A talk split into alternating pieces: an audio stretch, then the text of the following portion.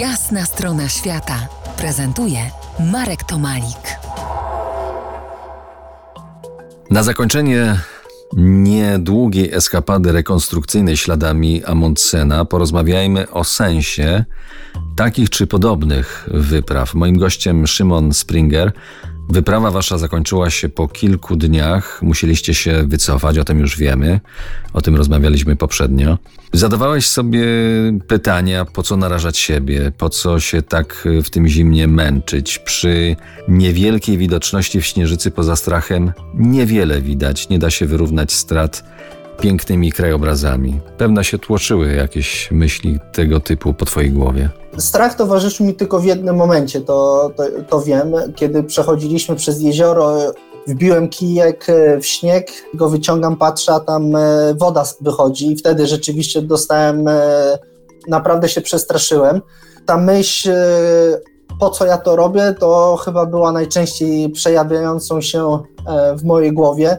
No to nie jest do końca takie chyba mi się wydaje normalne, żeby mm, spać przy minus 20, minus 30 stopniach, e, nie myć się przez 5 dni, iść w średnio korzystnych warunkach e, atmosferycznych. Ciężko jest mi to wytłumaczyć, ale ta, ta właśnie trudność tego wszystkiego jest, sprawia mi ogromną radość. No właśnie, e... czyli, czyli tam w tym było wszystko za, zaplątane szczęście, tak naprawdę. Tak. Realizowałeś to, co sobie wy, wymarzyłaś i realizowałeś swoje marzenie. Zdecydowanie tak. No, chyba każda podróż, e, do której dążę, jest e, motywowana właśnie tym e, dzieckiem, które gdzieś tam we mnie jest. I bo dzieci marzą tak bezwarunkowo. One, dla nich pewne rzeczy są czarno-białe. Kiedy stajemy się ludźmi dorosłymi, to często zapominamy o naszych marzeniach albo odsuwamy je gdzieś tam mocno w kąt twierdząc, że się nie da, bo są jakieś inne obowiązki, bo są inne problemy. To no jest... tak, ale masz motywację, podejrzewam, tak słyszę i jak cię słyszę, to właśnie tak, y, tak mi się to układa, że masz y, motywację do kolejnych zimowych wędrówek i co, snujesz plany na, na kolejne? Znaczy, na kolejne na pewno. Harda to będzie obowiązkowo jeszcze, bo tutaj nie będę chciał tego odpuścić. Czyli wracasz w to samo miejsce też. E, nie wiem kiedy, w tym roku myślę, że już nie sądzę, bo nie sądzę, że się to uda.